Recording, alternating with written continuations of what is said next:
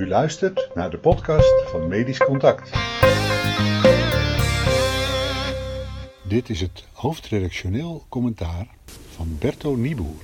Wat kost zo'n AJOS nou eigenlijk? Toen ik mijn opleiding begon, was ik de tweede AJOS in het perifere ziekenhuis waar ik startte.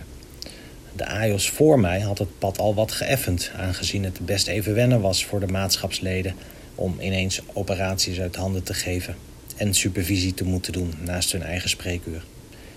Initieel mochten we in de nachtdienst niet mee naar de OK, omdat de operatieassistenten hadden aangegeven dan helemaal nooit meer wat te kunnen doen.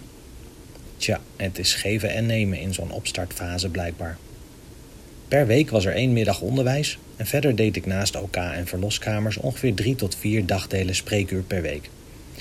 Door intensief zelf patiënten te zien leerde ik vrij snel patronen herkennen en het zogenaamde niet-pluisgevoel te ontwikkelen.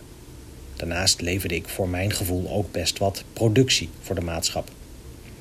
Spreekuren werden nabesproken, waarnaast het medisch inhoudelijk gedeelte, het adequaat registreren van verrichtingen, een belangrijk onderdeel van was. De OK-planning zal ongetwijfeld iets ruimer zijn geweest dan in het pre-AIOS-tijdperk, maar lekker doorwerken was een gangbaar adagium. Geen idee of ik uiteindelijk een kostenneutrale AIOS was. Inmiddels zijn we 14 jaar verder en weten we blijkbaar nog steeds niet wat het opleiden van een medisch specialist echt kost. De NZA gaat het onderzoeken. Een vijfdejaars AIOS verdient volgens de meest recente CAO ziekenhuizen 4066 euro bruto per maand.